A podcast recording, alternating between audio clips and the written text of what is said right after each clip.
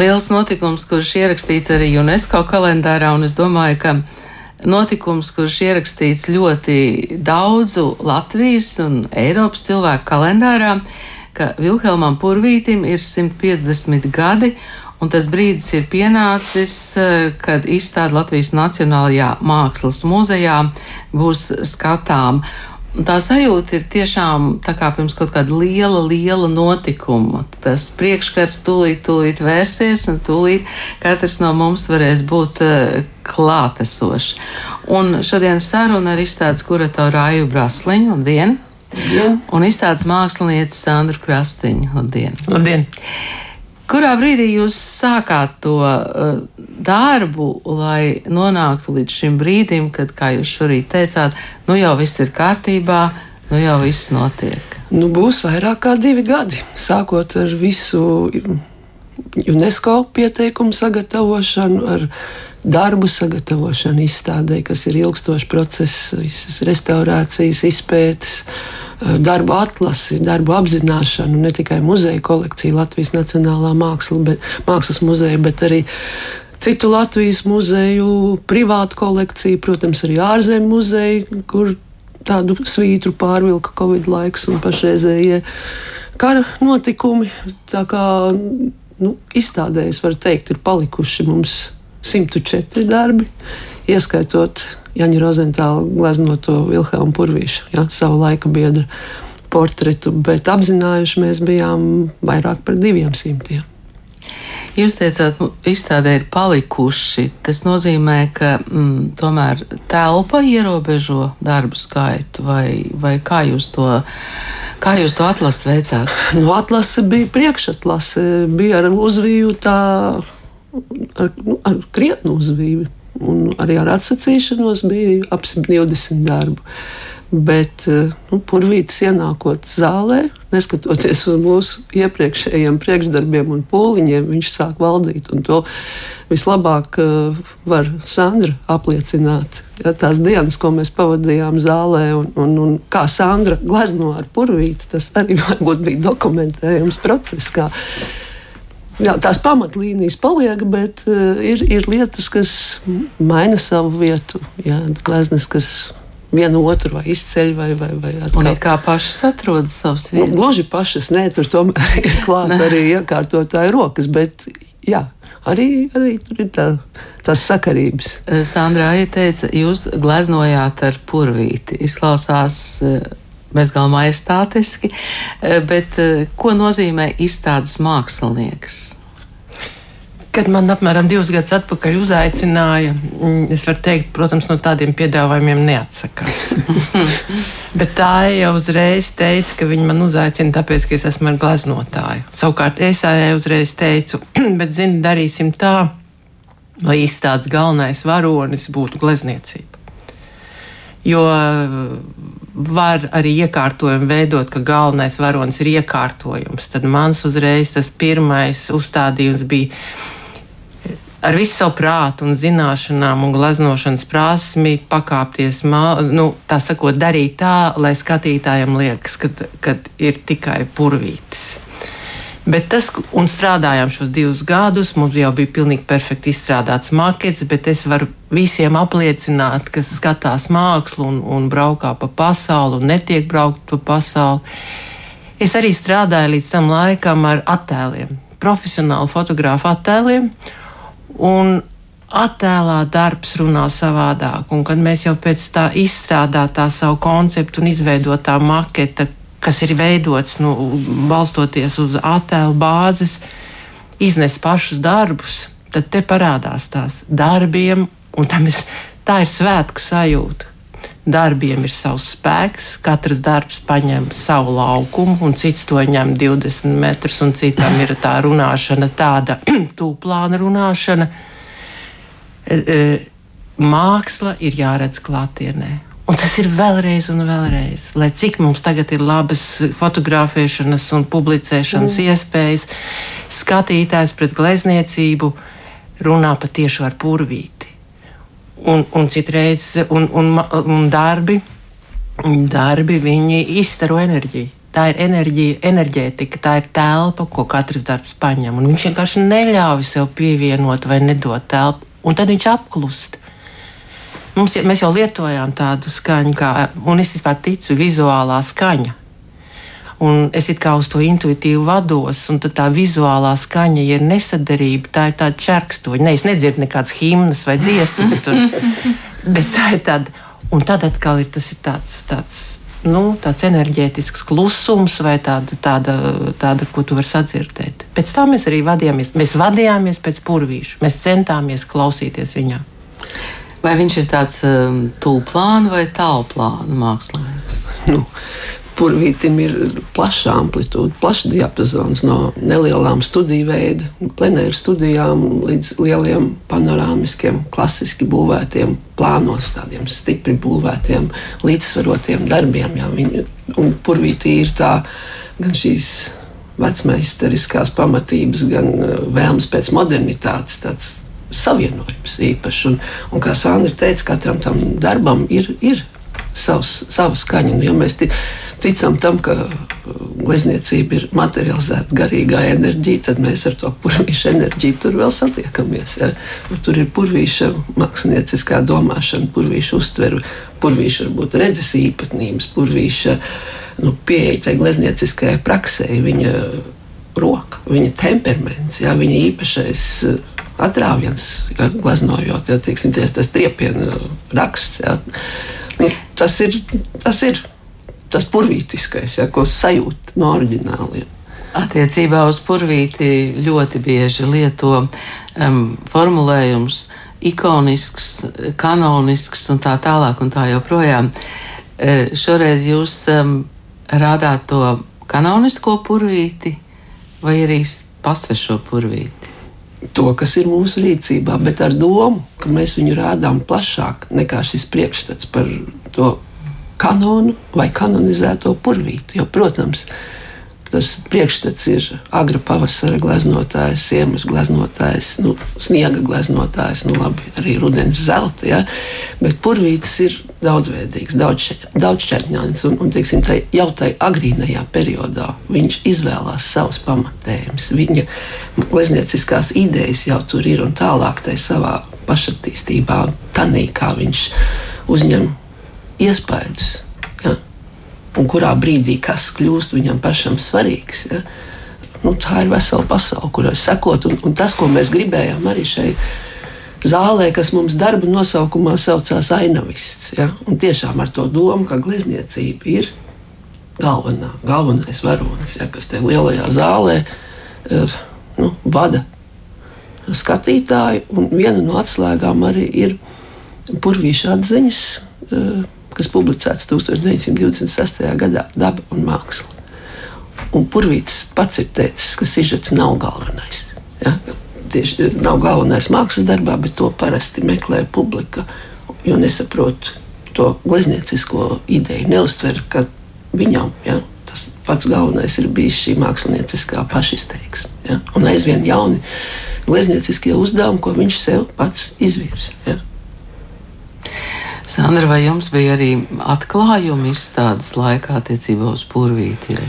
E, es gribēju pieminēt vēl vienu tādu aspektu, pie kā mēs strādājam, kas ieskanējās jūsu jautājumā. Mēs vēlējāmies un arī paši meklējām atbildes uz šo jautājumu. E, lai mēs kā skatītāji, lai kā mēs kā šodienas cilvēki skatoties uz purvītu, mēs neskatāmies tikai kā uz aizgājušo laiku klasiķi, kas, protams, ir novērtēts, bet nu, viņš ir kaut kā tur. Uh, lai mēs varam identificēties un lai mēs atrodam savu, savu lomu, savu vietu attiecībā pret to, kā viņš ir tēlojis Latviju. Es tagad teiktu nevis ainavu, bet Latviju. Un nākot te uz rādio, es tā padomāju, tādā kompleksā, jo Purvīts uz dzīves laikā ir bijis ne tikai nu, novērtēts gleznotājs, mākslinieks, bet arī sabiedriskais darbinieks, var teikt, pat politiska figūra. Viņš ir piedalījies la, brīvās Latvijas, modernās Latvijas būvniecībā. Un man pēkšņi ienāca, ka tas viņa klasiskais periods, kad viņš uzplauks tāds, kā mēs visi ienāca prātā. Tas viņa klasiskais glezniecības periods, ko mēs visi uztveram, nu, tas ir purvīts, un ko mēs ieraugam Latvijas ainavā vēl aizvien. Viņš arī savā mākslā ir būvējis ideālo Latviju. Uh, Un tas nav tikai šeit, visi šie slavenie, tu ai labāk pateiks, ziemeļu valstu gleznotāji, kas vienlaicīgi savu valstiskumu būvējot, būvēja arī uh, nu, savas zemes vizuālo identitāti. Mm. Un es domāju, ka Pūrvīts pie tā apzināti arī strādā, jo viņš savā ainavās, ainava uzmetumi studijas ir viena lieta, un ir sintēzētais ainavas tēls.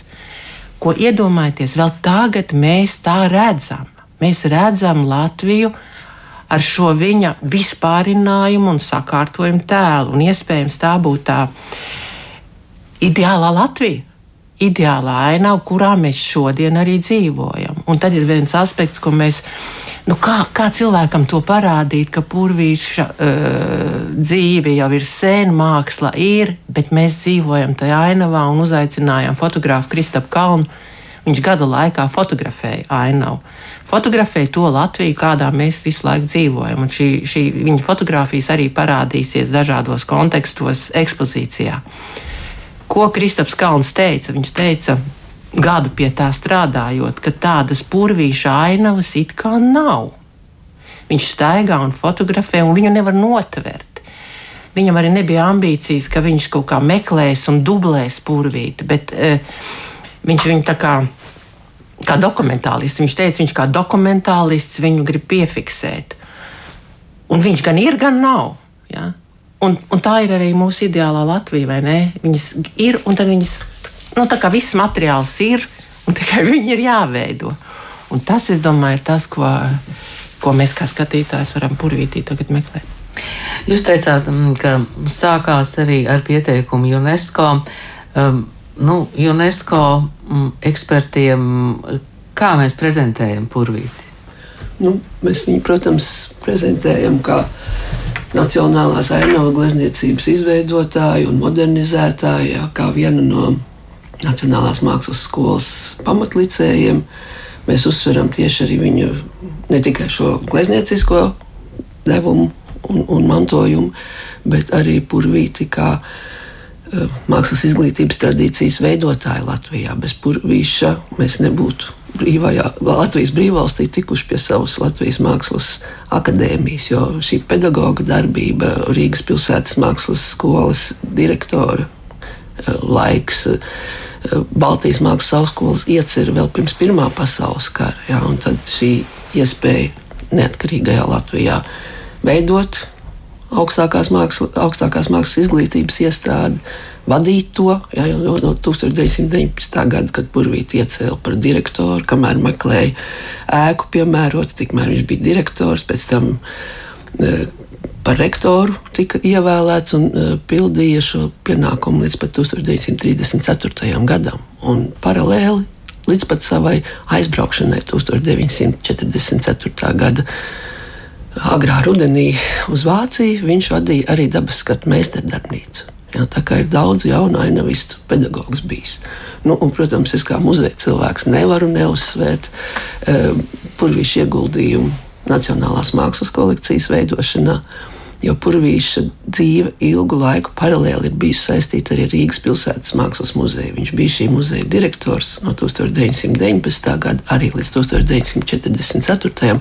ar nelielu pārtraukumu padomju okupācijas laikā. Ja? Bet patiesībā varētu teikt, ka viņš ar Rīgas pilsētas mākslas muzeju bija saistīts vēl pirms tā nodibināšanas. Jo, kad Purvīts pēc studijām Pēterburgā atgriezās Rīgā un sāka sadarboties ar Rīgas mākslas biedrību, ar šo Rīgas konstverēnu, Purvīts jau bija ieguvis eh, ap 1900. gadu starptautisku ievērību, jā, Eiropas atzinību. Viņš tika izvēlēts par figūru, kas varētu uzrunāt Ziemeļvalstu ainavistus, līdzīgus, teiksim, un, un tādus, kas varētu būt uh, nu, līdzvērtīgi partneri izstādē, ar kuru bija paredzēts atklāt Rīgas pilsētas mākslas muzeju. Diemžēl tur iekšējās nesaskaņās šī ideja nogrima. Ja? Un, un, un Purvīts arī uz brīdi teiksim, no šīs Rīgas uh, mākslas biedrības valdes atkāpās. Ja? Vai šajā izstādē mums kaut kas pietrūks no purvīša? Es teiktu, ka pietrūkst. Tagad ir garā pauze. Vispār mēs purvīti rādām, rekonstruējam, rekonstruējam viņa dairadi, šos posmus pēc darbiem, kas ir mūsu rīcībā. Un, ja salīdzina ja, to, ko mēs zinām, mēs nevaram noprecizēt to darbu skaitu, ko Purvīts vispār ir radījis. Un mēs nezinām arī kopskaitu viņa bojā gājušām. Nu, Gleznām, kuru liktenis nav zināms, zudušajām gleznām, gleznām, kas ir kaut kur izkaisītas plašā geogrāfijā, jau Krievijā, Eiropā un šeit arī Latvijā. Ja. Purvīša uh, glezniecības kolekcija vislielākā pie mums ir Latvijas Nacionālajā Mākslas muzejā - ap simt darbu. Ir privāti kolekcionāri arī piesaistīti. Šīs izstādes izveidē ir darbi no Liepājas muzeja un Tukuma muzeja piesaistīti. Bet nav pārstāvēts mums pietiekami šis pats pēdējais vēlīnais periods, ja, tās, kas bija. Gleznas, kas bija izstādīts 1942. gadā, pēdējā personāla izstādē vairums no tām šodien nav zināmas. Un, teiksim, tādu purvīšu pašu beigu periodu. Viņa, To glezniecisko abstrahēšanos pilnīgi līdz tādam vizionārismam, ja, kad viņu interesē tikai šī krāsa, ekspresija, triepiena un triepiens viss mutuļo. Ja, pazaudējot kaut kādus priekšmetiskos apjomus. Nu, tādu paraugu nav mūsu rīcībā. Tāpat mūsu rīcībā nav uh, gleznu no Pirmā pasaules kara beigu laiku, ko Purvīts aizvadīja Norvēģijā. Un 1918. gadā sarīkojot tur arī personāla izstādi Kristiānā, jeb Oslo. Ja. Šo pavērsienu arī ekspresīvākā virzienā, kāds tur bija, mēs nevaram ilustrēt. Bet šīs gleznas ir dokumentētas, jeb Visas noteikti. Visas nē, nē. Nē, protams, tā dēnu galerija slīd, jā, un tie attēli, reprodukcijas periodikā, mākslas izdevumos vai kādi apraksti, teksti mums ļauj kaut ko vairāk pievienot šīm mākslinieckā mantojuma raksturojumam. Bet vēl ir arī aspekts tāds, ka Purvītis dalīja gleznas studijās mākslas darbu studijās un gleznās, teiksim, izvērtējot to nu, ieguldījumu, cik tur, tā ir vienkārši plenērā gleznota studija, vai tas ir darbnīcā komponēts, sacerēts darbs. Jā. Tā kā arī tur šī robeža ir tāda ne līdz galam skaidra, jā, cik, cik varētu būt uzgleznots. Un arī uh, atmiņas stāsti, ka Purvītis ir bijis ļoti kritisks un iznīcinājis tās studijas, kas viņu nav apmierinājušas. Jā. Sandra, skatoties jūsu Facebook kontu, es eh, jūtu, ka jūs eh, nu, sekojat līdzi tai izstādes tapšanai, kas faktiski ir tāda neliela filma. Eh, jūs ielikāt arī stāstu par to, kas notiek, ja uzkāpj muzeja pašā augšā. Jā, mēs visi zinām skaisto muzeja vestibilu un esam cēluši acis uz augšu un skatījušies Kā saucās aitie monumentālie tie? Linetes, pusap, linetes. Viņam, es, es viņu saucu par pano un aivi vienmēr saka linetes. Uh, nu, lūk, šīs linetes mēs redzam tieši no, no apakšas. Mēs viņus esam pieradu, pieraduši tā redzēt. Tas ir kā tāds zināms, brīnišķīgās telpas, muzeja telpas dekors. Bet nu, viss izstādes laiku būs tur ir uzbūvēta tāda sastatne pie vienas no gleznojumiem, kas ir purvīšs, koknes pilsdrups, kur var drebošām kājām. Nē, nevis tāpēc, ka sastatne būtu nedroša, bet tāpēc, ka tu tomēr pēkšņi kāp augšā. Un, un metra, ja pusotra metra attālumā, tu vari apskatīt purvīšu šo uh, monumentālo gleznojumu, kas man kā māksliniecei bija tik būtiski. Jo no apakšas izskatās, uzraugoties, ka viņš ir tāds. Nu, tāds blīvi nostrādāts gleznojums, un klāt pieejot, tu redz, ka tas ir uh, lieliem vēzieniem, uh, atmosfēriski elpojošs, un te parādās purvīša milzīgā profesionalitāte, jo viņš rēķinās ar attālumu. Un, un tas, uh, tas, tas vēl kā reiz apliecina to, ka viņš zina mākslas darba iedarbības, to diametru vai to rādījusu un kā, kā ir jāveido darbs, lai viņš strādātu lielā attālumā, metrīgu, metrīgu attālumā. Un es izmantojot visiem skatītājiem, iesaku, jo tas jau vairs nebūs tā iespējams. Ja paskatīties to tūmā. Man vienkārši vienā teikumā gadiem atpakaļ ir bijis uh, Itālijā iespēja pie Piero della Francesca tieši arī būt šādā metra attālumā uz sastatnēm, un es to uzskatu par savu tā kā gleznotājs mūža veiksmi. Tad tagad tiek dota muzejs dod iespēju skatītājam, es teikšu, mūža veiksmē tikt tuvumā šim gleznojumam, ko nekad vairs pēc tam nevarēs un apskatīt. Jā, nu man šķiet, ka izstāde vispār būs mūsu mūža veiksme. Un, un droši vien, ka cilvēki izvēlēsies, kurā dienā tad iet un skatīties. Un šobrīd tās iespējas jau no uh, sestdienas būs. 28. maija un, un Vilhelmi. Nu, um, sakiet vēl, ka tā ir nejaušība. Jaušā nejaušība. Ne, mēs patiešām Covid laiks mūsu ieceres eh, bīdīja, pārbīdīja, un tas plānotais sākotnējais izstādes atklāšanas laiks būtu bijis agrs pavasars un purvīša dzimšanas dienas laiks. Nu, tagad sanāk ābeļziedu laiks, un, un no tām sniega kupenām ir ābeļziedu kupens, bet pašķirot kalendāru un ieraugot, ka publiskā nu, pieejai apmeklētājiem pirmā izstādes diena ir 28. maija un Vilhelma, tad pēkšņi bija tāds sajūta, ka viņš pats piedalās ja? visa tā pasākuma režijā. Paldies jums šodien par sarunu šeit Latvijas Rādio studijā. Šorīt mēs arī sākām ar vienu purvīti, un, un mēs arī varam lepoties un teikt, radio tiekamies pie purvīša, kas arī tā notiek, jo man šķiet, ka katram ir tā vēlme, lai tas purvīts būtu arī viņam tāds personisks. Nu, tāpēc, ja viņš mums smaida, tāds izstādes vizuālā identitāte, viņš mums smaida. Ja, tas kadrs ir no viņa pēdējās personāla izstādes 1942. gads Rīgas pilsētas mākslas muzejs Agris Pavasaris. Un arī projekcija, tāda liela projekcija mūs sagaida, ieejot Mārtiņš Ratniks ir autors. Jā, Mārtiņš Ratniks ir eh, gan izstādes grafiskā dizaina, gan video mākslinieks. Un, ja jūs kādu minūti pastāstīsiet, paskatoties uz, uz purvīti, tad viņš jums arī piemiegs ar aci. Paldies eh, šodien izstādes kuratorei Aijai Brasliņai un izstādes māksliniecei Sandrai Krastiņai.